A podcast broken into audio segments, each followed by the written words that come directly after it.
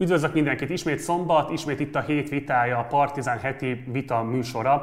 Ebben a mostani adásunkban mi másról is tudnánk foglalkozni, mint a tranzitzónát ért európai bírósági döntéssel, amelynek következtében a magyar kormány megszüntette azokat a tranzitzónákat, amelyek nagyon sok kritika tárgyai voltak az elmúlt időszakban. Több mint három, vagy hát közel 300 ember sorsa változott meg egyik napról a másikra. Ők elhagyhatták a tranzitzónát, és jelenleg különböző pontjain vannak elszállásolva az országnak. Hogy pontosan mi a helyzet velük, erről is szó lesz majd a mai vitában, ami mindenképpen egy úttörő vita, már abban az értelemben, hogy a Magyar Helsinki Bizottság egyik tagja lesz az egyik oldalon, és Deák Dániel, a 21. század vezető elemzője a másik oldalon. Gyorsan be is mutatom akkor a vitázó feleket. Szervusz Pardavi Márta, a Magyar Helsinki Bizottság társelnöke. Sziasztok, és üdvözlöm a nézőket is. És szervusz Deák Dániel, ahogy már említettem, a 21. század intézet vezető elemzője. Sziasztok, én is üdvözlök mindenkit. Köszönöm mindkettőtnek a részvételt a vitában. Ugye abban állapodtunk meg, hogy először gyorsan nézzük át hogy ki milyen álláspontot képvisel konkrétan a bírósági ítélet kapcsán, illetve a, a tranzitzónákkal kapcsolatban, és akkor azt szeretném kérni, hogy elsőként Dániel ismertesse az álláspontját. Ugye az nem vagyok jogász, politológus vagyok, tehát azért politikai oldalról igyekszem megközelíteni a témát, de azért jogi karra jártam, és ragadt rám pár jogi dolog is a tanulmányaim során. Ugye az Európai Bíróság az mindig is jellemző volt az Európai Bíróságra, hogy egyfajta aktivista szemléletet alkalmaz, és ugye az integráció egyik híve az uniós intézményrendszerek között. Tehát nem meglepő az, hogy az Európai Bíróság az ilyen döntést hozott. Politikai szempontból látszik, hogy a magyar kormánynak van egy világos törekvése, ez pedig az, hogy a bevándorlást azt lehetőleg a nullához közelítse Magyarország. Például Orbán Viktor a Schengen 2.0 javaslatában 2016-ban már uniós szintre is javasolt a tranzitzónához hasonló megoldási javaslatokat, illetve azokat a bevándorlásügyi szabályokat, amelyeket Magyarország jelen pillanatban is alkalmaz. Ugye ezek az uniós viták elhúzottak, jelen pillanatban sincsen igazából egységes uniós fellépés a bevándorlással szemben. Most jött egy bírósági ítélet, ugye a tranzitzónák miatt nagyon sok kritikát és támadást kapott a kormány. Nagy valószínűséggel úgy értékelték, hogy ezt a támadási felületet már felesleges fenntartani hosszabb távon. Azonban az én megítélésem szerint, hogy az Európai Bíróság az igyekszik egyfajta lazább bevándorlási szabályozást rákényszeríteni Magyarországra, de éppen az ellenkezőjét érték el. Ugye Gulyás Gergely bejelentette, hogy innentől kezdve a déli határon nem lehet majd benyújtani a menedékkérelmet, innentől a kül, külképviseleteken, konzulátusokon, nagykövetségeken lehet majd ezeket a kérelmeket benyújtani. Tehát az én megítélésem szerint ez egy szigorítás lesz, és nehezebb lesz a menedék kérelmeket benyújtani a migránsok számára. Két tisztázó kérdést engedj meg, Dániel. Az első az, hogy te mivel magyarázod azt, hogy a kormányzat különösebb hezitálás nélkül egyébként tudomásul vette ezt a döntést, miközben korábban számtalan helyzetben volt kifejezetten harcos álláspontot képviselve szemben az ilyen uniós intézményekkel. Tehát mivel magyarázod azt, hogy ennyire konfliktusmentesen elfogadta ezt a döntést és végre is hajtotta rekordgyorsasággal? Mi állhat ennek a háttérében a te megítélésed szerint?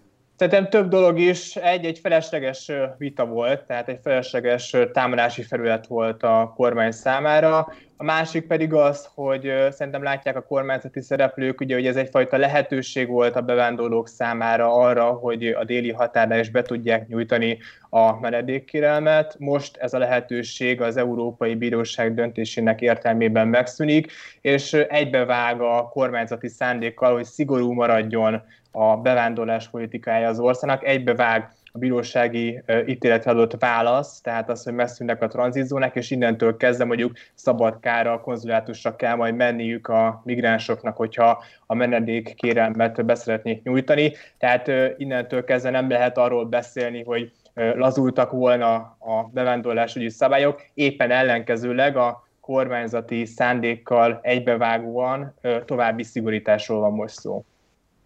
És akkor egy utolsó kérdés, hogy akkor viselkedett elszerűen a kormány, amikor fenntartotta ezeket a tranzitzónákat, vagy most, amikor ezeket felszámolja?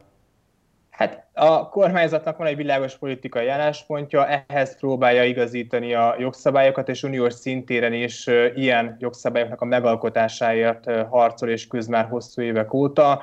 Mind a kettő lépés, tehát maga a tranzitzónának a működtetése, illetve az, hogy most ilyen döntés hozott a bírósági ítéletre reagálva, mind a kettő egybevág azzal a kormányzati szándékkal, amit már a 2015-ös nagy migrációs válság óta láthatunk. De akkor úgy kérdezem, hogy ez egy elvi kompromisszum a kormányzat részéről, hogy most követi ezt az előírást?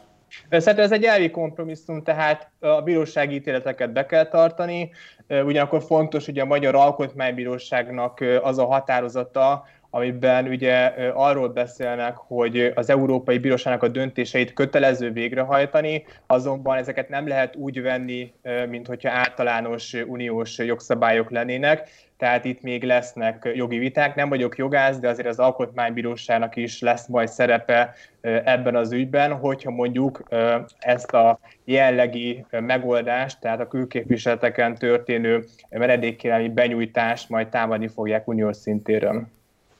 Nagyon szépen köszönöm. Pardami Márta, tessék. A Helsinki Bizottság az nagyon fontosnak tartotta, és tartja most is persze azt, hogy kimondatta az Európai Unió Bírósága azt, amit mi már 2015 nyarán mondtunk, hogy a fogvatartás a, a menedékkérőknek az nem lehet automatikus, nem lehet csak embereket azért fogva tartani, mert hogy menedéket kérnek, nem lehet őket úgy fogva tartani, hogy erről semmilyen döntést, határozatot nem kapnak, és nem is válik lehetőség az, hogy bírósághoz forduljanak. Az Európai Unió bírósága lényegében az ítéletben erről a kérdésről foglalt állást. Itt a másik kérdés, amiben a bíróság nagyon fontos megállapítást tett, az az, hogy lehet-e alkalmazni olyan menekültügyi fogalmakat, kreálhat-e a magyar kormány olyan menekültügyi fogalmakat, amiket az Európai Uniós jog nem ismer. És ebben is azt mondta, hogy nem lehet. Itt nem politika alkotásról van szó, és ebben a tekintetben nem, nem értek egyet a Deák Dániel megközelítésével. Az Európai Unió bírósága az egy magyar bíró kérdésére értelmezte az Európai Uniós joganyagot, jogi szabályokat. Ezek úgynevezett másodlagos uniós jogi normák, tehát irányelvekről van szó, ezeket az irányelveket, amikor elfogadták, és azoknak egyébként valóban most folytatódik a felülvizsgálata, akkor már Magyarország is az Európai Unió tagja volt. Nem ránk kényszerített külső szabályokról van szó, hanem egy olyan jogalkotásról, ahol a magyar kormány képviselője is részt vett, és az Európai Uniós tagságunkkal ez abszolút kötelező is. Tehát ilyen értelemben az Unió bírósága ezeket a szabályokat értelmezte egy magyar bíró számára, és valóban rendkívül aggasztó lenne az, hogyha a magyar kormány ezután azt mondaná, hogy na már pedig én ezeket a szabályokat és az uniós ítéletet, azt nem ismerem el magámra nézve kötelezőnek. Teljesen világos, hogy egy ö, ö, olyan politikai és jogi kockázatokat, súlyos kockázatokat rejtő lépésről lett volna szó, amit nem érdemes megtenni, nem is helyes megtenni. Úgyhogy ilyen szempontból szerintem a bíróság az értelmezte azt, ami egyébként ö, világos volt a, a kezdettől fogva a magyar bíró is észlelte, hogy a magyar valóság és a magyar szabályozás az nem egyeztethető össze az, amit az uniós jog előír. Tehát itt egy jogi lépésről volt szó, viszont ennek nyilván egy nagyon fontos politikai kontextusa van, és következményei is lesznek. Ezekről szerintem érdemes majd a továbbiakban beszélni. De ami a legfontosabb ebben az egészben, az az, hogy a bíróság ítélete azt tette lehetővé, hogy azok az emberek, akik Magyarországra menedéket jöttek kérni, és családok, és kisgyerekes családok, azok most már hosszú hónapok óta fogva vannak tartva, és most már végre nem őrizetben szöges dróttal körülvett helyen kell, hogy legyenek ezek a gyerekek. Tehát itt bármennyit is beszélünk jogi szabályokról, meg politikáról, azért ezt a részét ne felejtsük el, hogy itt emberekről van szó, gyerekes családokról, mindenki, akinek kisgyereke van, vagy rokona, vagy testvére, az pontosan tudja, hogy mennyire sokat számít az, hogy egy gyerek milyen körülmények között nő föl. És az, hogyha mondjuk egy kisgyerek több mint egy éven keresztül csak szöges drótot lát, és csak rendőri egyenruhát lát, az a meghatározó abban a szempontból, hogy milyen felnőtté válhat. Én ezt a szempontot tartanám nagyon fontosnak, erről nem sok szó esik, amikor jogszabályokról, meg amikor politikáról van szó, de itt emberi sorsokról, gyerekeknek a sorsáról van szó, és az uniós bíróság kellett ahhoz, hogy ezek a gyerekek végre olyan körülmények közé kerüljenek, amelyek azért jobb esélyt biztosítanak arra, hogy ne traumatizálva éljék át a gyerekkorukat. És ez egy olyan szégyenteljes dolog, hogy a magyar kormánynak ezt, ezt egészen egy luxemburgi bíróságig kell, bírósági ítéletig kell vinnie, hogy, hogy aztán emberi módon bánjunk emberekkel Magyarországon. Én ezért is tartom nagyon fontosnak azt, a szempontot, hogy nézzük meg ezt azok szempontjából, akik, akiket ez érint. És itt most azért nagyon sok embernek egy lehetősége biztosítódott arra, hogy normálisabb körülmények közé kerüljenek, és hogy azokat a kérelmeket, amelyeket ők beadtak, azokat újra adott esetben megvizsgálják, és végre elmondhassák azt, hogy miért menekültek el otthonról. Eddig ezt tőlük soha senki nem kérdezte meg szinte. Két kérdés hozzád is, Márta. Az első az, hogy jár-e bármifajta kompenzáció a fogvatartottaknak, hogyha most azt kimondta a bíróság, hogy jogtalan volt az ő fogvatartásuk, emiatt ők érvényesítettek-e bármilyen kártérítési kérelmet a magyar állammal, vagy ott esetben az Európai Unióval szemben?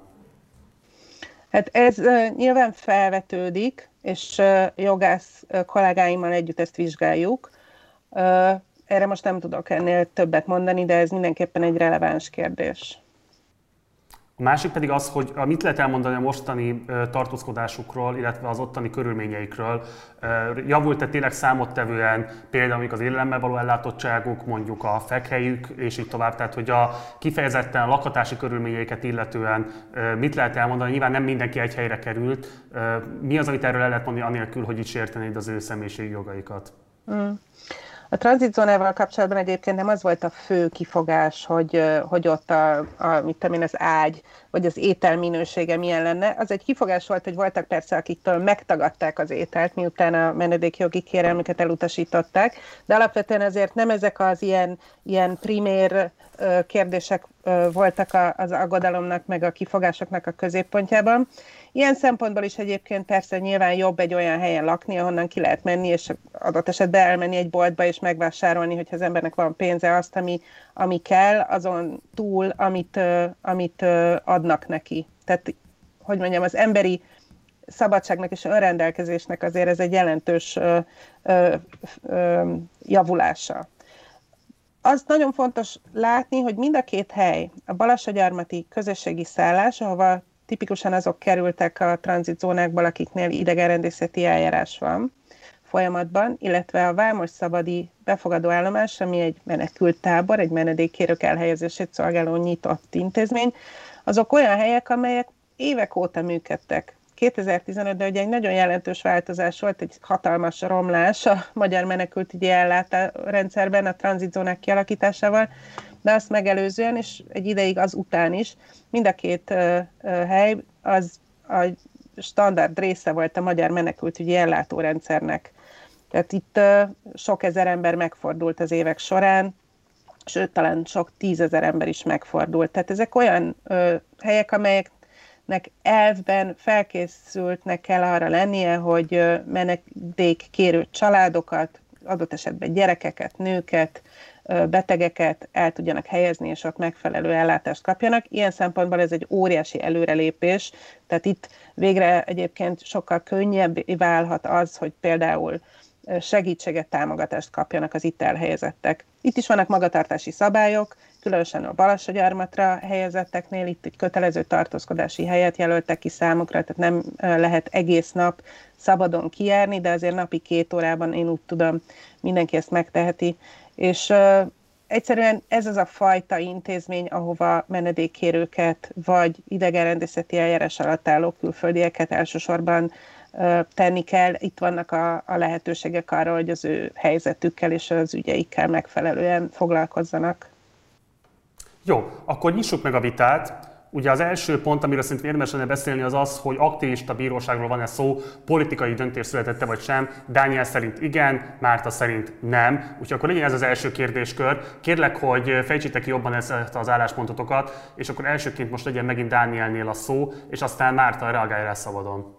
Ugye, arról, hogy az Európai Bíróság egyfajta aktivista szemléletet tart a iránymutatónak, hát ezt nem én mondom, erre nagyon hosszú szakirodalma van. Ugye ez az európai integrációnak a fenntartásáért és erősítéséért létrehozott intézmény, tehát igazából törvényszerű az, hogy egyfajta aktivista szemléletet tart iránymutatónak, és ahogy Márta is elmondta, bizonyos jogszabályokból von le következtetéseket és iránymutatásokat ad a tagállamok számára, értelmezi a jogot, most így értelmezte, és az európai jogot úgy alakította, úgy látták az európai jogból kiolvasva, hogy ugye a tranzitzónák azok szembe helyezkednek az Európai Uniós jogszabályokkal.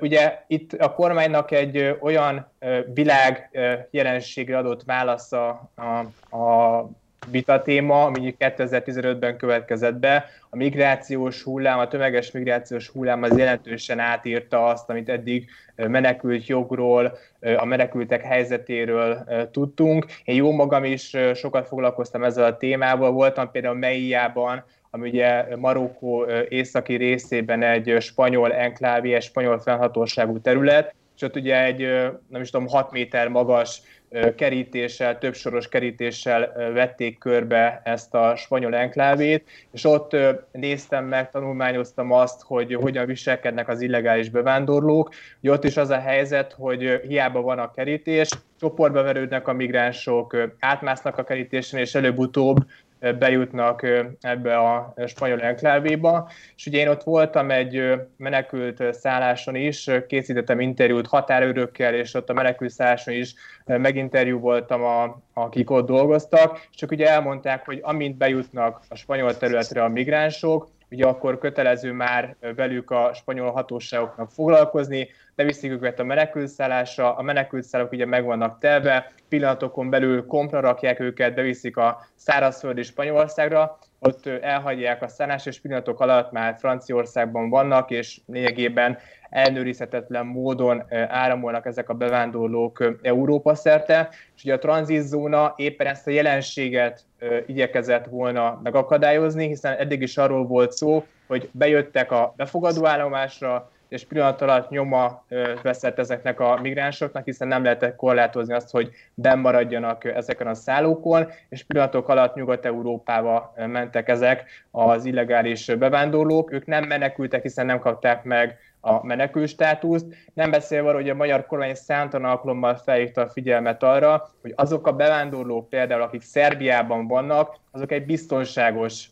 harmadik országban vannak. Tehát jó magam is, még a járványt megelőzően voltam sokat Szerbiában, voltam Bosznia-Hercegovinában, engem ott semmilyen olyan atrocitás, semmilyen olyan esemény nem ért, ami arra készített volna, hogy engem onnan el kell menekülnöm rögtön, és mondjuk Magyarországra kell jönnöm. Tehát ez az egész folyamat, amit jelen pillanatban Európában láthatunk, az én véleményem szerint a menekült státusszal való visszaélés, és az Európai Unió sokkal több jogosultságot ad a menekült kérelmet benyújtó személyek számára, mint amit egyébként a nemzetközi jogszabályok garantálnának.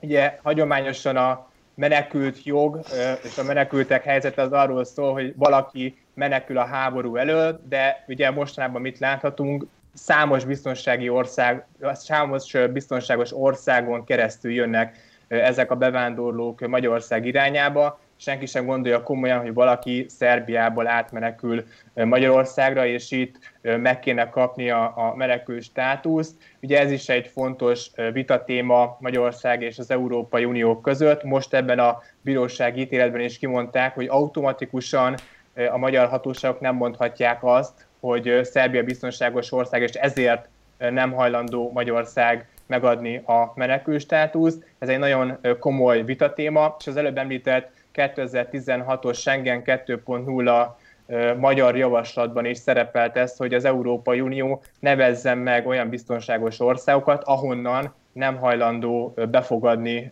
bevándorlókat, nem hajlandó megadni a menekülstátuszt, és például a Szerbia esetében is felmerül a kérdés, hogy a szerb hatóságok hogyan engedték be ezeket az embereket a területükre, ott nem adtak be menekült kéremet Szerbia irány, miért pont Magyarországra adnak be. Tehát nagyon sok olyan kérdés felmerül, amit el lehet jogászkodni, de látszik, hogy ezek az emberek valójában nem menekültek. Nagyon sok mindenről esett most szó, úgyhogy először azt kérem Márta, hogy kifejezetten a bíróság megítélésére reagálj, és aztán térjünk át a többi kérdésre, amit felvetett Dániel. Tessék. Igen, valóban nagyon sok mindenről volt szó, és van is, amire szeretnék majd később reagálni. A, mi az Európai Unió bíróságának a feladata? Az, hogy értelmezze az Európai Uniós jogot. Van, most már ugye 27 tagállamban gondolkozzunk, hogyha 27 tagállam 27 féleképpen értelmez egy-egy szabályt, akkor nyilvánvalóan ott nem lehet egységes szabályrendszerről alkotni, beszélni hogyha ez a kereskedelmet érinti, hogyha ez a határokon átnyúló szolgáltatásokat érinti, akkor összeomolhat ugye adott esetben az az egységes piac, aminek mindannyian azért valamennyire legalábbis az előnyeit tudjuk élvezni, néha a hátrányait is. Ugyanezt történhetne menekültügyben is. Tehát nagyon fontos, hogy legyen egy olyan fórum, ami azt tudja mondani, autentikusan értelmezheti a jogot.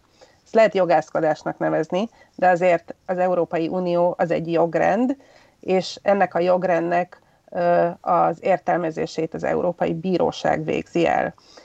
Tehát ez nagyon fontos, hogy valóban egy jogfejlesztő feladata van, vagy egy jogtisztázó feladata van. Ha valami nem világos, akkor kell, hogy legyen egy végső ö, autentikus forrás, ami azt tudja mondani, hogy így vagy úgy kell értelmezni a jogot. Ilyen szempontból tör, fontos volt a, a múlt heti ítélet is, én ezt nem tartom egy bevándorlás politikai aktivista lépésnek, hiszen a meglévő szabályokat értelmeztem. Milyen szabályokról volt szó?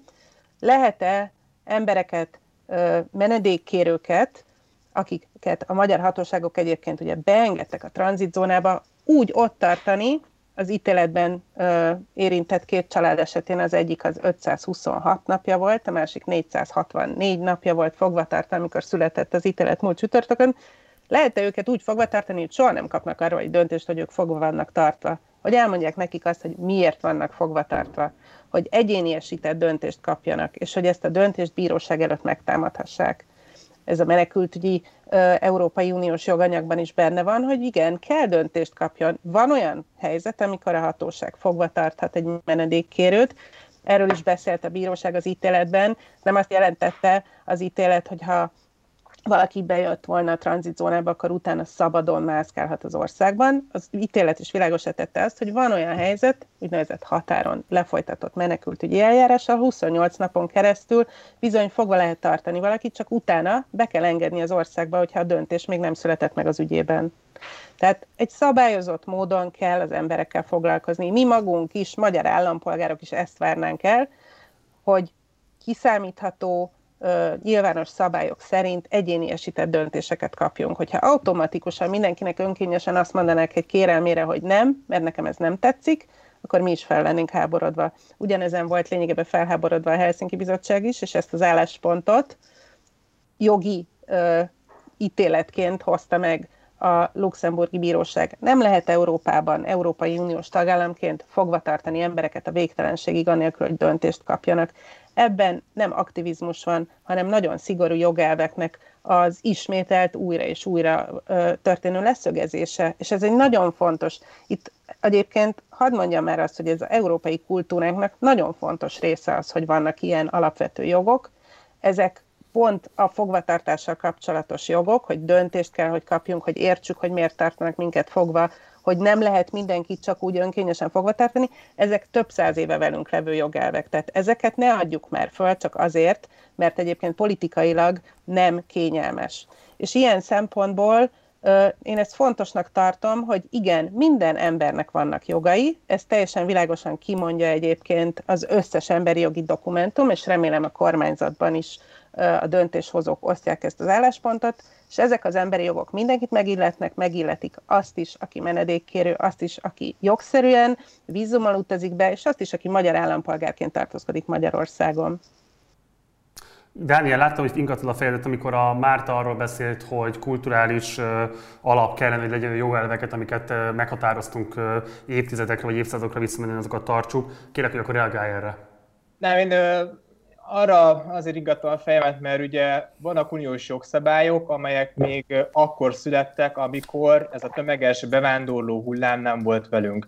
Tehát sajnos megváltozott a helyzet, megváltozott a környezet, és nagyon sok esetben látjuk, hogy ezekkel a jogszabályokkal, ezekkel a jogi lehetőségekkel visszaélnek egyszerűen ezek az emberek. Nagyon sok olyan példát én jó magam is találkoztam az előbb említett spanyol enklávéban olyan ott dolgozó emberekkel, akik arról beszéltek nekem is, és Magyarországon is a szerb határnál beszéltem ilyen tisztségviselőkkel, akik arról számoltak be, hogy fontosan ugye nagyon jól tudják precízen, szinte formanyomtatvány szerűen ezek az ideérkező bevándorlók, hogy mit kell mondaniuk, mit kell tenniük annak érdekében, hogy megkapják a jó eséllyel a menekül. És ugye senki sem gondolja komolyan, hogy ugye Magyarország határainál láttunk százezres migráns hullámot is, hogy egyszerűen ennyi menekült kérelmet meg kéne adni a Magyarországnak, meg kéne adni az Európai Uniónak. Ezért mondom azt, hogy igen, vannak uniós jogszabályok, vannak bírósági döntések, azonban alapjaiban változott meg a helyzet az elmúlt öt évben, ezért alapjaiban kell átgondolni az egész menekült kérelmi rendszert az Európai Unióban, és véleményem szerint, és a kormányzati álláspont is ez, nem tágítani kell a menekült státusznak a fogalmát, nem tágítani kell ezeket a lehetőségeket, hanem éppen ellenkezőleg szűkíteni kell, és minél szigorúbb bevándorláspolitikát kell alkalmazni egységes Európai Uniós szinten, hiszen csak így lehet azt elkerülni, hogy egyfajta meghívó levélként legyen az üzembe a világ összes szegény országának, hogy ide Európában mindenféle lehetőséggel lehet majd jönni, és akkor ugyanazt a jeleneteket, ugyanazokat a jeleneteket látjuk majd megvalósulni, mint amit 2015-ben is tapasztaltunk. Igen, vannak a világnak nagyon szegény részei. Jó magam is jártam olyan ázsiai országokban, ahol tényleg elképesztő szegénység között élnek emberek. Tudjuk nagyon jól, hogy ott a a társadalmi hierarchia rendszer is teljesen más, tehát nagyon sokan akár mondhatják azt, hogy ők üldöztetésnek vagy különböző erőszakos cselekménynek vannak kitéve, de ez a világ lakosságának egy jelentős része, több milliárd emberről van szó, senki sem gondolja komolyan, hogy ennek a több százmillió milliárdos nagyságrendű embertömegnek Európába kéne jönnie, ezért is mondom azt, hogy igen, értem, vannak uniós jogszabályok, vannak nemzetközi jogszabályok, de ez a folyamat, ez a trend, hogy Európa táranyítja a kapuit, nem fenntartható, és ugye Magyarország azért lépett a szigorú bevándorláspolitika útjára, mert látta, hogy nem lesz egységes európai álláspont ebben a kérdésben. Ezt a Schengen 2.0 javaslatot is lényegében lesöpörték az asztalról, nem foglalkoztak vele érdemben, uniós szinten nem lehet szigorításra számítani, már csak azért sem, mert látjuk, hogy meghatározó uniós tagállamok, például Olaszország, ugye most egy kormányváltás követően, ahol most már baloldali kormány van hatalmon, lazítja a korábbi kormány által hozott szigorúbb intézkedéseket, és ugye a úgynevezett migráns hajókon simán beengedi Olaszország, és így az Európai Unió területére azokat az embereket, akiket egyébként embercsempészek hoznak a földközi tengeren át Európa irányába. Um, annyit akarok csak mondani, hogy nyilván itt most egy politikai értelmezés és egy jogelvi értelmezés csap össze, tehát nem feltétlenül ugyanabban a mezőben mozognak az érvek. Um, éppen ezért lehet, hogy érdemes egy kicsit arról beszélni, ugye Dániel arról beszélt, hogy Szerbia biztonságos harmadik országnak minősülhet-e, az ő megítélése szerint igen. Márta, mit tudsz ezzel kapcsolatban elmondani? Egyetértesz ezzel az állítással, vagy esetleg vitatkoznál-e vele? Kénytelen vagyok vitatkozni, Ugye Dániel a személyes élményéről beszélt, amikor Szerbiába vagy esetleg Boszniába ment. Azért nagyon más az, amikor turist, Bocsánat, csak ennyi, hogy ez a kormányzati álláspont is, csak hogy a kormány is ugye erre hivatkozik, hogy Szerbia az egy biztonságos ország, nincsen háború, nincsen... Tisztában se... vagyok vele, igen. A kormányzati álláspont mellett azért vannak saját élményeink, és önálló véleményemet szeretném most itt elmondani. A Boszniában, hogyha valaki elutazik turistaként, azt tegye meg egyébként egy gyönyörű ország, és járjuk a, a, a régiót, és ismerkedjünk meg a szomszédjaink kultúrájával is.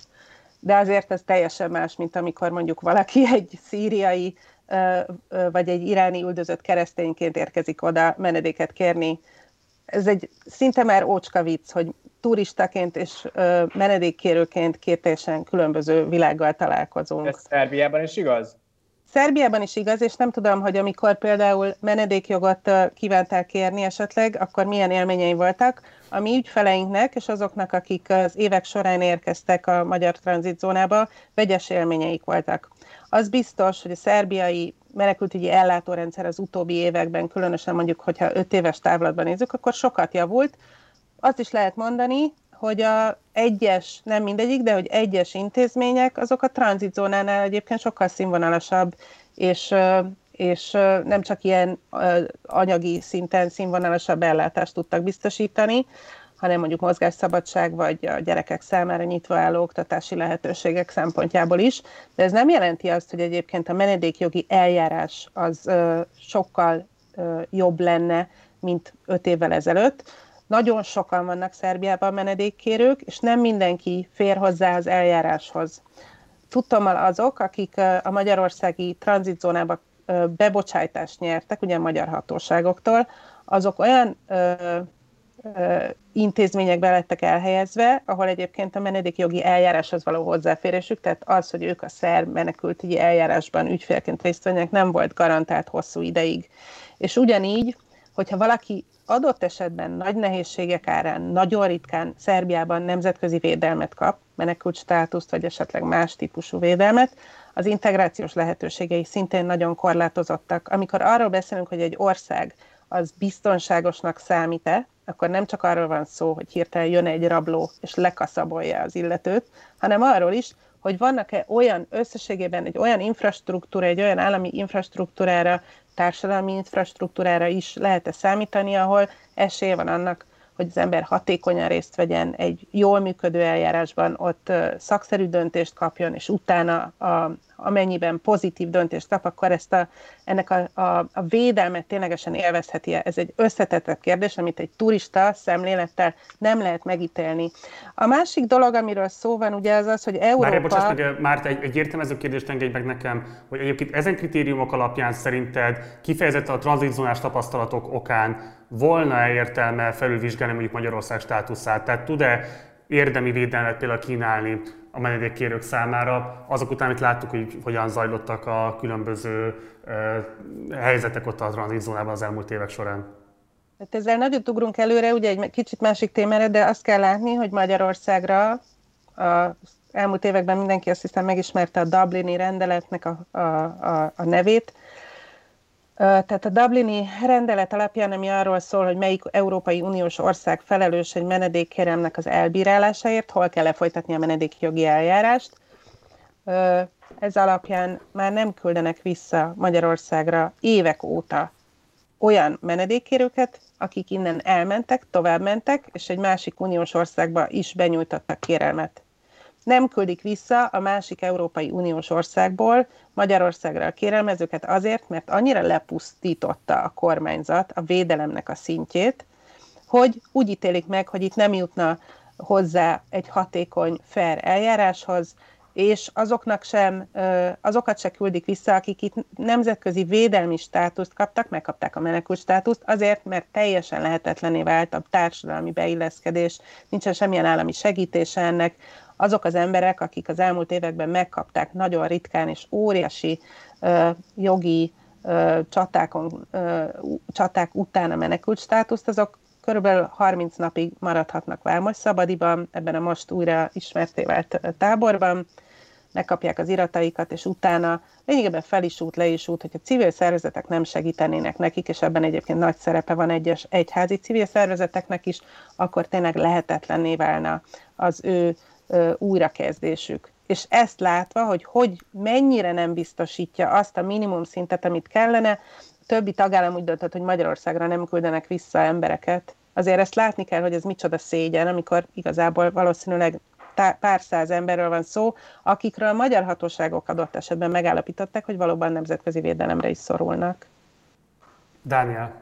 Én csak annyit tennék ehhez hozzá, hogy itt ugye nem csak Szerbiáról vagy a balkáni országokról van szó, hanem több esetben uniós tagországokról is, tehát Görögország, Bulgária szintén az Európai Unió teljes jogú tagjai, és nagy ö, többségük ezeknek a bevándorlóknak ezeken az országokon is átvándorolnak. Görögországban igen rossz a gazdasági helyzet, nagyon sok bevándorló gyűlem lett föl, de ugye a magyar kormány ezt is számtalan alkalommal elmondta, ez egyszerűen nonsens, hogy emberek Törökországon, Görögországon, Bulgárián, Szerbián, és lehetne sorolni hány országon keresztül átvándorolnak, és ezt követően mondjuk pont Magyarországon nyújtják be a menekült kérelmet. Tehát ez is ugye a menekült jognak és a Genfi Egyezménynek a tovább gondolása, hogy egy bevándorló lényegében ő eldönt, kényekedve szerint választ az egyes országok között, hogy ő hova akar menni. Természetesen én is örülnék neki, hogyha a német vagy a svéd fizetést kapnám meg, de ez nem jelenti azt, hogy én most innentől kezdve át akarok oda menekülni, és ott akarok innentől kezdve élni. Sajnos egyenlőtlenségek vannak a világban, de ezt nem lehet egyfajta menekült jogi szemlélettel orvosolni. Én erre hívnám fel a figyelmet, hogy az viszont, hogy a magyar kormány ilyen szigorú bevándorláspolitikát választott, ez egy tudatos politikai döntés volt. Ezzel az a célja a magyar kormánynak, hogy minél inkább azt az üzenetet küldje ezeknek a bevándorlóknak, hogy ide ne gyertek, ne próbálkozzatok, hiszen itt nem fogtok menekült státuszt kapni. Ez egy tudatos politikai döntése volt a kormánynak, és ezért is szüntette most meg a tranzitzónákat, tehát innentől kezdve még az eddigieknél is nehezebb lesz a menekült kérelmeket benyújtani. Úgy tűnik, hogy az Európai Unióban ez nem vált egy többségi állásponttá, az Európai Unió más szemléletet, más jogi, más politikai szemléletet képvisel, de majd lesznek azért, tehát az ENSZ-nek és a Világbanknak a jelentése is már csak a klímaváltozásból kifolyólag is azt mutatják, hogy az elkövetkezendő évtizedekben, tehát nem években, hanem évtizedekben is 100 milliós nagyságrendű migrációs nyomással kell számolnia Európának, ezért az én álláspontom szerint még a mi életünkben alapvető változtatások lesznek ebben a kérdésben is, és Európának teljesen más szemléletmódot kell majd választania, és valószínűleg majd az Európai Unió is úgy fogja igazítani a jogszabályait, hogy ezt a tömeges migrációs jelenséget kiiktassa, hiszen látjuk, hogy az európai társadalmakra ez elképesztő nyomást helyez, és például azok a dél-európai országok beleroppanak ebbe a, ebbe a jelenségbe. Mert itt szerintem azt senki nem kérdezte meg, hogy nyilvánvalóan ez egy tudatos politikai döntés volt a kormányzat részéről, de valahogy nem megy eszembe pont azokkal az elvekkel, amiket te számon kérte az Európai Unió. Ugye arról beszéltél pár körrel ezelőtt, hogy az Európai Unió nagyon kreatívan értelmezi a különböző menekült státusszal való, a menekült státusz megítélésével kapcsolatos kérdéseket, visszaélésről beszéltél. Nem élte vissza a kormányzat, és a bíróság ítélet nem ezt mutatja-e a tranzitzónával, a különböző joghézagokat nem használta ki a magyar kormányzat csak azért, hogy ezt a politikai üzenetet célba tudja juttatni. Tehát nem beszéltünk arról, hogy itt a magyar kormányzat politikai szándéka felülírta a közös európai szabályozást. hát nem beszéltem visszaélésről, én annyit mondtam, hogy vannak uniós jogszabályok, amelyeket értelmez az Európai Bíróság. Ez Magyarországon is teljesen így volt, tehát Solyom László által vezetett alkotmánybíróság teljesen hasonló jogfelfogás képviselt Magyarországon, ennek is az alkotmány jobban hosszú szakirodalma van, akkor Magyarországon egy aktivista alkotmánybíróság volt, és olyan jogelveket vezettek le különböző jogszabályokból, amelyek nem voltak papírra vetve, tovább lettek gondolva ezek a jogszabályok, tehát ez egy létező gyakorlat volt Magyarországon is nem is olyan régen. Az magyar kormány egyszerűen elmegy a határig, hogy a politikai szándékát tudja érvényesíteni. Ugye a jogszabályokat minden esetben betartja, és hogyha van egy bírósági döntés, akkor annak azonnal eleget tesz, tehát nem lehet azt mondani, hogy a kormány az a törvényesség határain túlmenne. Véleményem szerint ez nem csak egy Hát bocsáss meg, most ez az uniós döntés azért mégiscsak a bírósági döntés arról szólt, hogy mégiscsak túlment a tranzitzónák esetében. Az más kérdés, hogy az ítélet az ugye nyilvánvalóan nem tudott korábban hát, megszületni. Akkor, akkor tudjuk kimondani, hogy túlment a törvényesség határán, hogyha erről egy bírósági döntés van. Amíg nincsen bírósági döntés, addig nem vagyunk mi egyszerű állampolgárok felhatalmazva arra, hogy megítéljünk bizonyos jogi kérdéseket. A bíróság most kimondta, ennek eleget térve a törvényesség talaján a kormány eleget tesz ennek a kérésnek. Csak itt még egy dolog, mindig politikai döntés, tehát arról beszélünk, hogy a kormány politikai szándékainak megfelelően. Azért itt nem csak erről van szó, itt van a magyar állampolgároknak, a magyar választópolgároknak is egy világos elvárása. A minden közvéleménykutatás, minden választási eredmény azt mutatja, hogy a magyar lakosságnak a túlnyomó többsége egyetért ezzel a politikai állásponttal, és innentől kezdve a kormánynak is ezzel a politikai elvárással, társadalmi elvárással egybehangzóan kell politizálnia.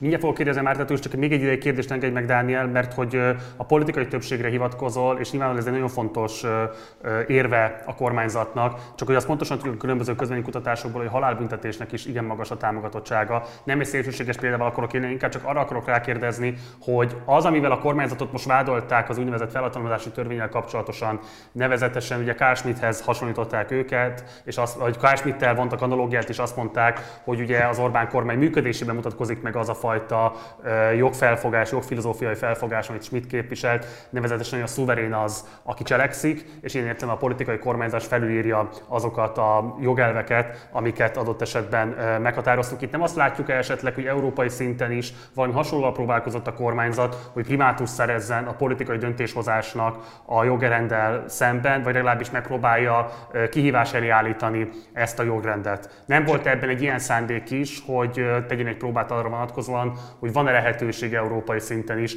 hasonló nyomást gyakorolni, mint amilyen egyébként idehaza már láttuk, hogy próbálkozott.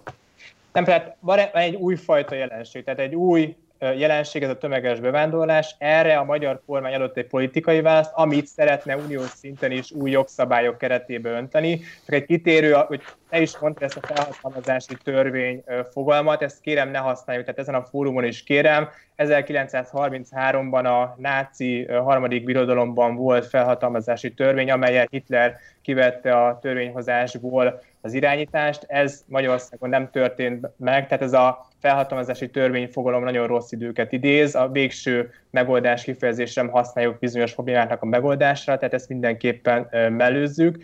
Visszatérve az eredeti témára, a az, hogy a magyar kormány hogyan értelmez a jogszabályokat, ugye Magyarországon az Alkotmánybíróság ezt kimondta, az alkotmány az elsődleges, és ugye most Németország kapcsán is van vita arról, hogy most az uniós jog, vagy az a magyar, vagy a egyes tagállamoknak a jogszabályai számítanak elsődlegesnek.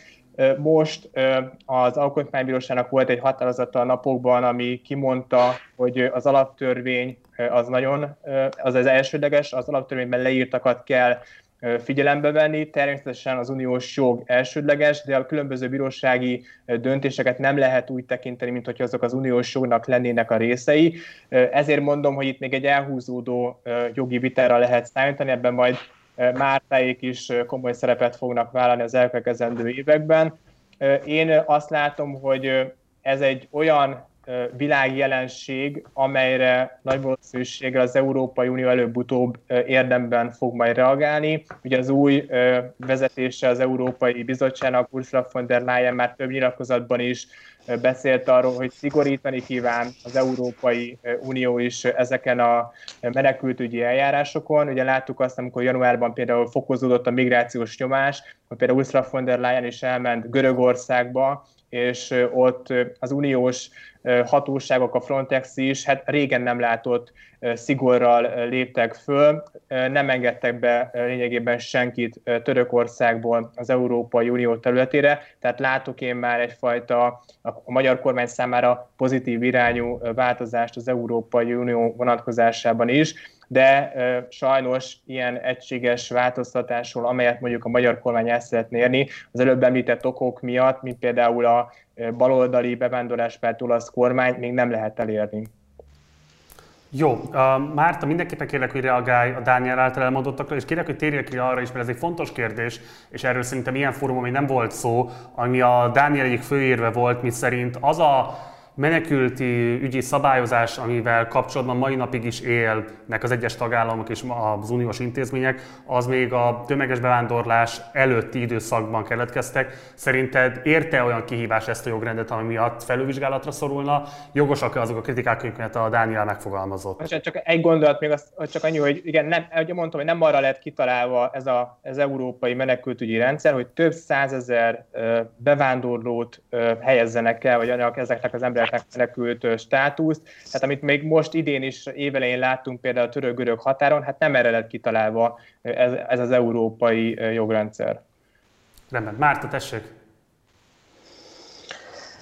Uh, mire reagáljak elsőként, tehát annyi minden elhangzott, és, és, és annyi nem mondtam volna azt, hogy de erre is szeretnék. Az egyik az az a gondolat, hogy, hogy ugye Európába milyen sokan jönnek a világból valóban jönnének, de általában nem lehet, és nem is nagyon hosszan szoktak utazni a világ túl végére a menedékkérők. Európa az igazából a világ menekültjeinek egy kisebb hányadát gondozza, és ezt a, felad, ezt a felelősségét, és ezt a, ezt, a, ezt, a, ezt a kihívását is egyre inkább valóban elutasítja. Részben egyébként azért, mert a magyar kormány is nagyon hatékonyan ássa alá azt a gondolatot, hogy az Európai Uniónak globálisan, meg az Európában is közösen kell cselekednie a menekültügy rendezése érdekében. Említette Dániel, ez szerintem egy nagyon fontos gondolat volt, az, hogy a klímaváltozás az hogyan függ össze a migrációval és a, és a meneküléssel a jövőben. Ezt már most is látjuk egyébként, tehát számos olyan fegyveres konfliktus van, aminek a hátterében sokan azt mondják, hogy a klímaváltozás és a klímaválság és az embereknek a, egyszerűen az ellehetetlenülése a szülőföldjükön áll a hátterében. Ezekre a kérdésekre nyilvánvalóan nem lehet önálló egy ország a saját határain belül történő megoldásokat kitalálni, itt össze kell fogni az Európai Uniónak a közös menekültügyi politikája. Én azt gondolom, hogy valóban nagyon sok kritikával illethető, és valóban fejlesztésre, meg változtatásra szorul, de azért ez az alapvető gondolata, hogy erre a jelenségre közösen kell megoldásokat találni. És a szolidaritásnak is nagyon fontos rész, tehát a szolidaritás is az egyik fő pillére kell, hogy legyen ennek a közös fellépésnek. Amikor arról beszélünk, hogy Görögországból eljönnek emberek, akkor az azért van, egyrészt, mert a görög menekültügyi eljárás az nagyon sok sebből vérzik, másrészt az ellátórendszer is.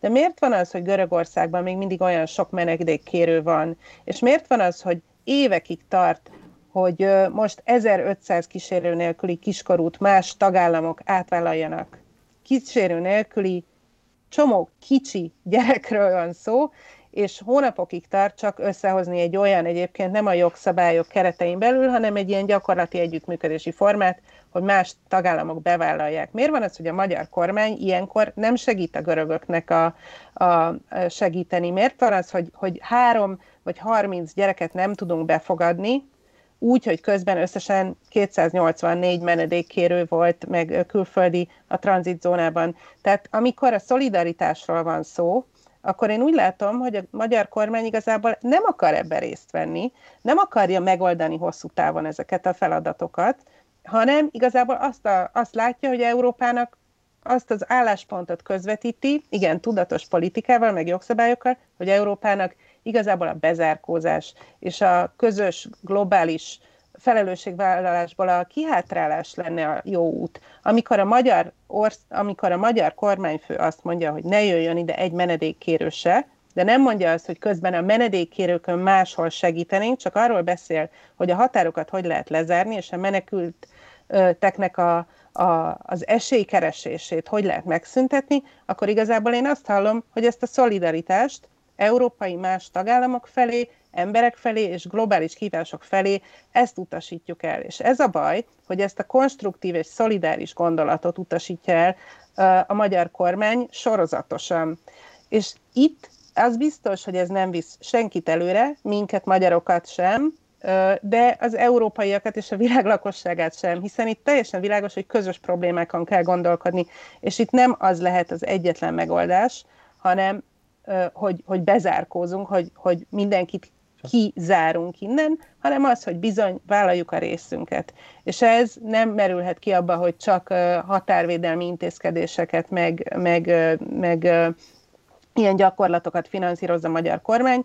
Bizony ki kell vennünk a részünket abból is, hogy segítünk azokon, akik segítségre szorulnak. Ezért vagyunk részei az európai kultúrának, ezért vagyunk részei az Európai Uniónak, ezért vagyunk részei a Genfi menekültügyi egyezménynek is, mert van egy erkölcsi, emberi, kulturális kötelezettségünk is, amit ezek a jogszabályok, ezek a, ezek a, ezek a normák megtestesítenek, ezek mögött értékek vannak, és az értékek tagadása ö, vezet ahhoz, hogy a normákat egyáltalán nem tudjuk komolyan venni. Tehát szem, szempontomból az nagyon fontos lenne, hogy kimondjuk azt, hogy igenis van felelősségünk, és szolidárisnak kell lennünk, és ebben gondolkodunk, és ezt a szolidaritást, ezt az Európai Unió más tagállamain belül, saját társadalmunk tagjaival is gyakoroljuk, és ennek, a, ennek az erkölcsösségét és a helyességét is ö, ö, szeretném hangsúlyozni.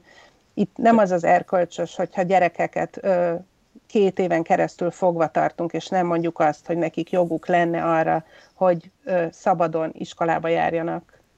Erre nagyon szeretnék reagálni, mert ez a Mártáéknak, illetve a hasonlóan gondolkodó szervezeteknek, politikai pártoknak, kormányoknak az álláspontja, és mindig ezzel a humanitárius szemponttal jönnek. Hát nekem Bocsánat, is a... én azt gondolom, hogy nagyon sok magyar állampolgárnak is egyébként ez az álláspontja, hogy a szegényeken segíteni kell, és nem helyes az, hogyha rájuk taposunk. Ezért mondom, hogy Mártához hasonlóan gondolkodók, tehát az, abban nagyon sok magyar állampolgár is beletartozik. Nekem is a szívem megszakad, amikor látom ezeket a szegény gyermekeket egyéni sorsokról van szó, rendkívül sajnálatos az, ami ezekkel az emberekkel történik. Igen, elképesztő katasztrófáról van szó, de az nem megoldás, hogy most 30 embert befogadunk, hogyha befogadjuk ezt a 30 embert, jön utána még több száz, több ezer, több százezer. Ez egy olyan folyamatot indít el, ami beláthatatlan következményekkel lenne, és azért van Görögország túlterhelve, azért nem képes a görög menekültügyi rendszer fogadni ezeket az embereket, és nem képes elbírálni ezeknek a menedékkérelmét, mert egyszerűen ez a jogi konstrukció, ez a menekültkérelmi rendszer nem több százezer, akár több millió emberre lett kitalálva,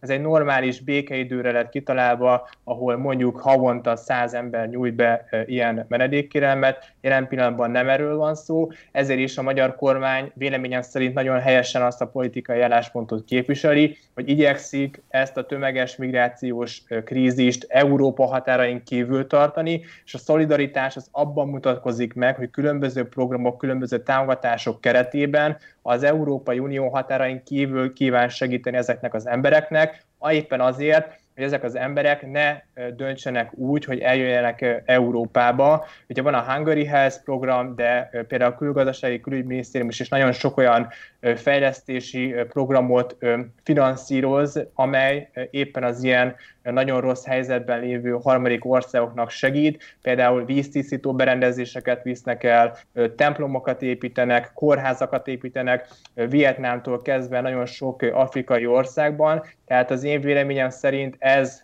a jövő, és ez segíti Európának a felmaradását. Ugye a miniszterelnök szokta sokszor azt mondani, hogy nem az a segítség, hogyha a bajt Európába hozzuk, hanem hogyha a bajt megpróbáljuk orvosolni ezekben a származási országokban, és éppen a magyar kormánynak ez a szigorú bevándorláspolitikája ennek a logikának a mentén valósul meg. Senki sem mondja azt, hogy ezek az emberek ne lennének rászorulók, ne lennének nagyon borzalmas körülmények között ezek az emberek, de hát aki volt már Afrikában, aki volt a távol-keleten vagy a közel-keleten, én szerencsére volt lehetőségem arra, hogy ezekben az országokban elutazzak, és személyes benyomást is tehessek arról, hogy, vagy szerezhessek arról, hogy milyen körülmények között élnek ezek az emberek, de azt nem megoldás, hogy ezt a több százmillió vagy több milliárd embert Európába behozzuk, és így próbáljuk meg azért őket. több milliárdról nincsen szó, Dániel, azért egy pillanatra, tehát hogy azért nincsen itt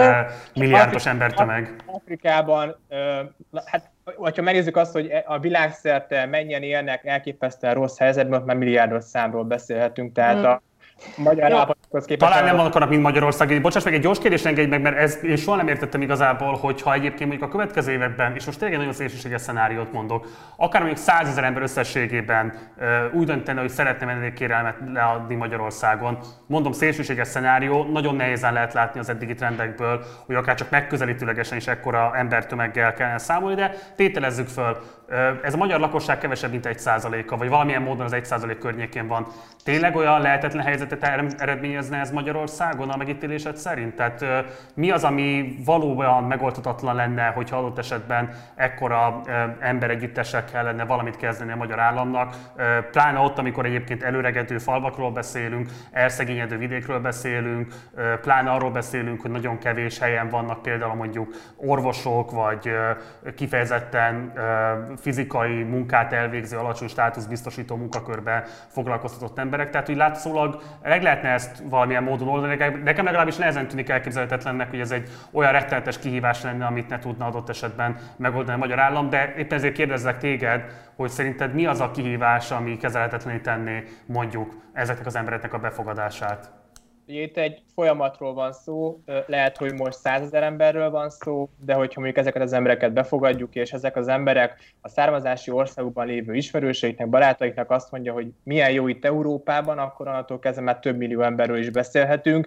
Tehát, hogyha Európa tágra nyitja a kapuit, akkor itt egy vége láthatatlan özönről is lehet beszélni. Ez ebben az országban nagyon sokan élnek a klímaváltozás mellett, a túlnépesedés is egy rendkívüli komoly problémát jelent ezeknek az embereknek, tehát lehet, hogy most mondjuk a kötelező betelepítési kvóta kapcsán ránk testelt pár száz migránsnak a befogadása nem omlasztaná, nem omlana össze ettől a magyar gazdaság vagy a magyar menekültügyi rendszer, de ezzel egy olyan folyamatot indítanánk meg, amely több százezer vagy potenciálisan több milliós bevándorló hullámot indítana el Európa irányába. Ezért is például, amikor most januárban ugye a török-görög határon kialakult ez az elképesztő állapot, az Európai Unió, nem Magyarország, hanem az Európai Unió és a görög hatóságok léptek fel olyan szigorúan, amit láthattunk, és senkit nem engedtek át a határon, szöges zsótokkal zárták le, sőt, még lövések is eldörültek, és sajnálatos módon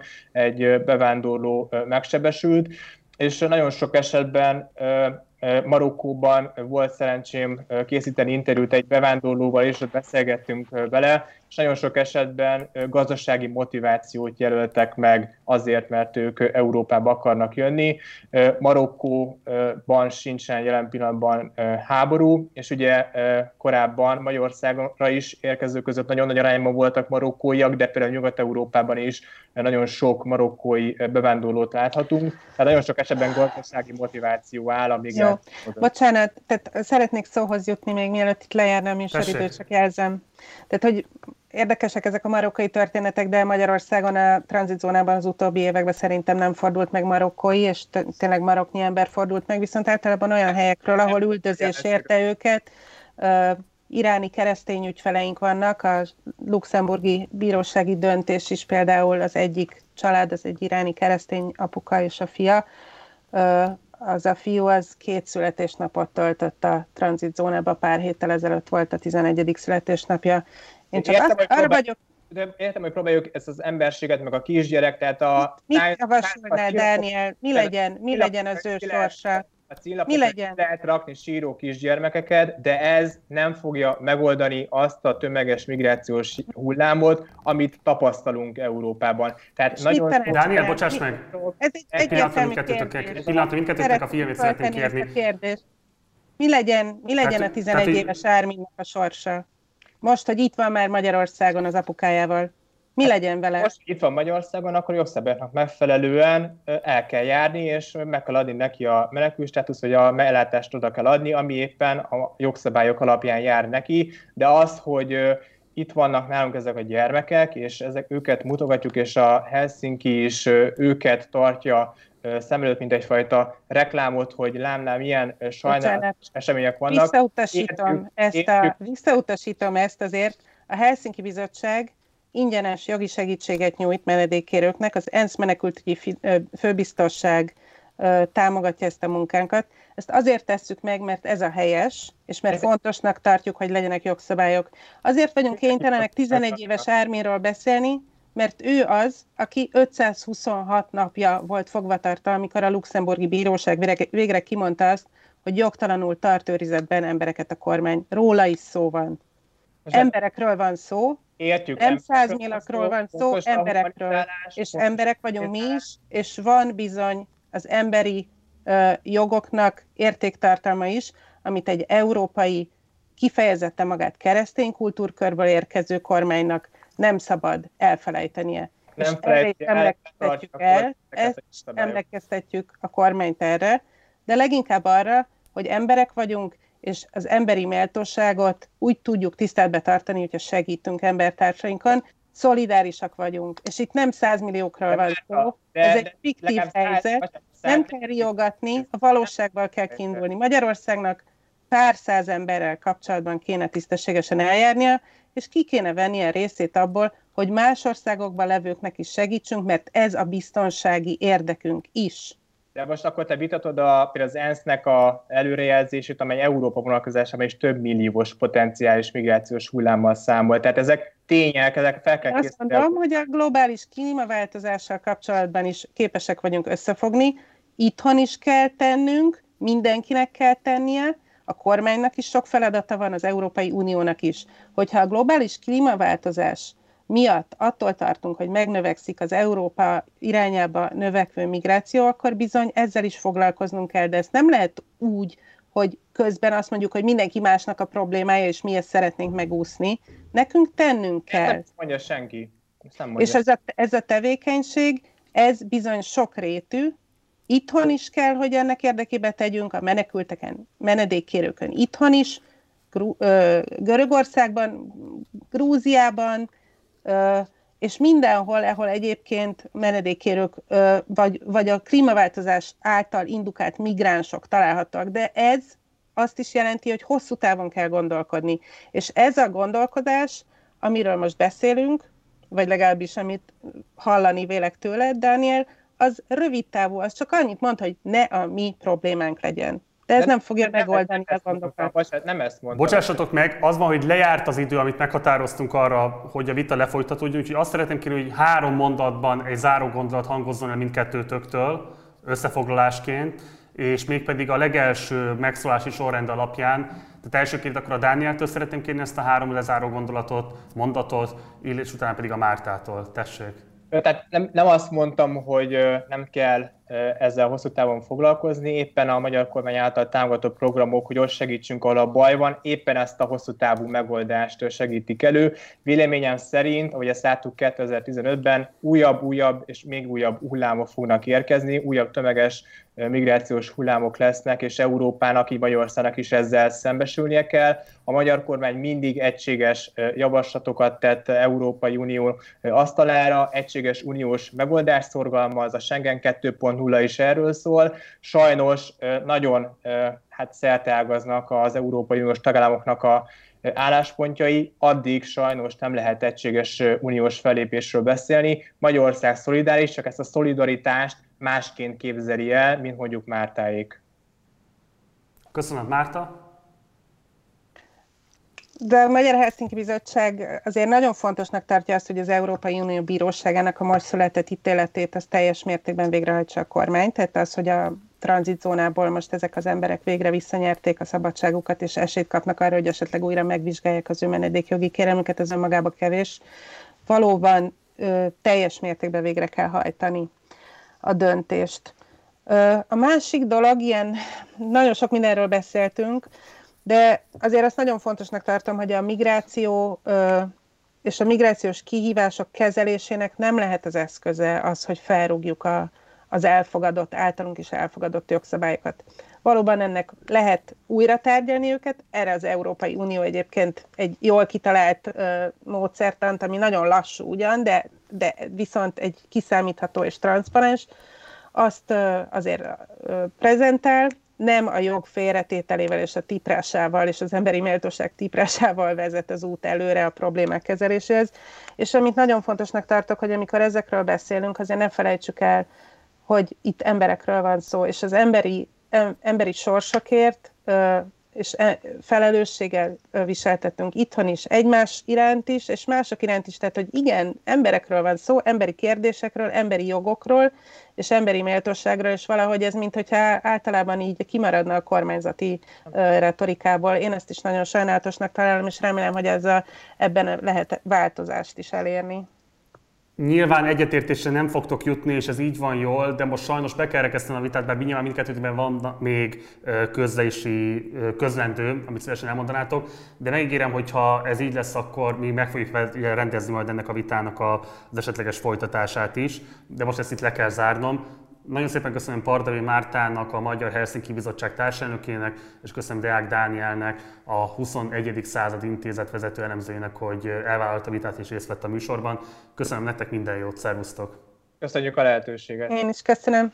Ez volt tehát a hét vitája, de a Partizán még nem búcsúzik el, holnap ugyanis érkezik a Partizán Olvasóklub, amelyben folytatjuk David Foster Wallace Végtelen Tréfa című kötetének az olvasását, vendégünk lesz a kötet egyik fordítója, Sipos Balázs. Hétfőtől újra napi Partizán, de jövő héten egy tematikus sorozattal készülünk nektek a rendszerváltás 30. évfordulója alkalmából, több tematikus kerekasztal beszélgetést is szervezünk, érkeznek hozzánk majd az Antal kormány egykori miniszterei, államtitkárai, illetve lesz egy külön beszélgetésünk az SDS prominens tagjaival, illetve illetve egykori elnökeivel is, és további izgalmak is lesznek még, amelyekről további információkat majd hétfőn fogunk megosztani veletek. Itt van a komment szekció, hogyha bármilyen kérdésed, észrevételed van az elhangzottakkal kapcsolatban, akkor az bátran tett fel. Iratkozz fel a csatornára, kövess minket Facebookon, vagy csatlakozz a Facebook csoportunkhoz, a Partizán társalgóhoz. Ha pedig megteheted, akkor kérlek, hogy szállj be a finanszírozásunkba, hogy folytathassuk az ilyen és ehhez hasonló videó készítését. A Patreon oldalunkon keresztül várjuk a felajánlásaitokat, előre is köszönünk minden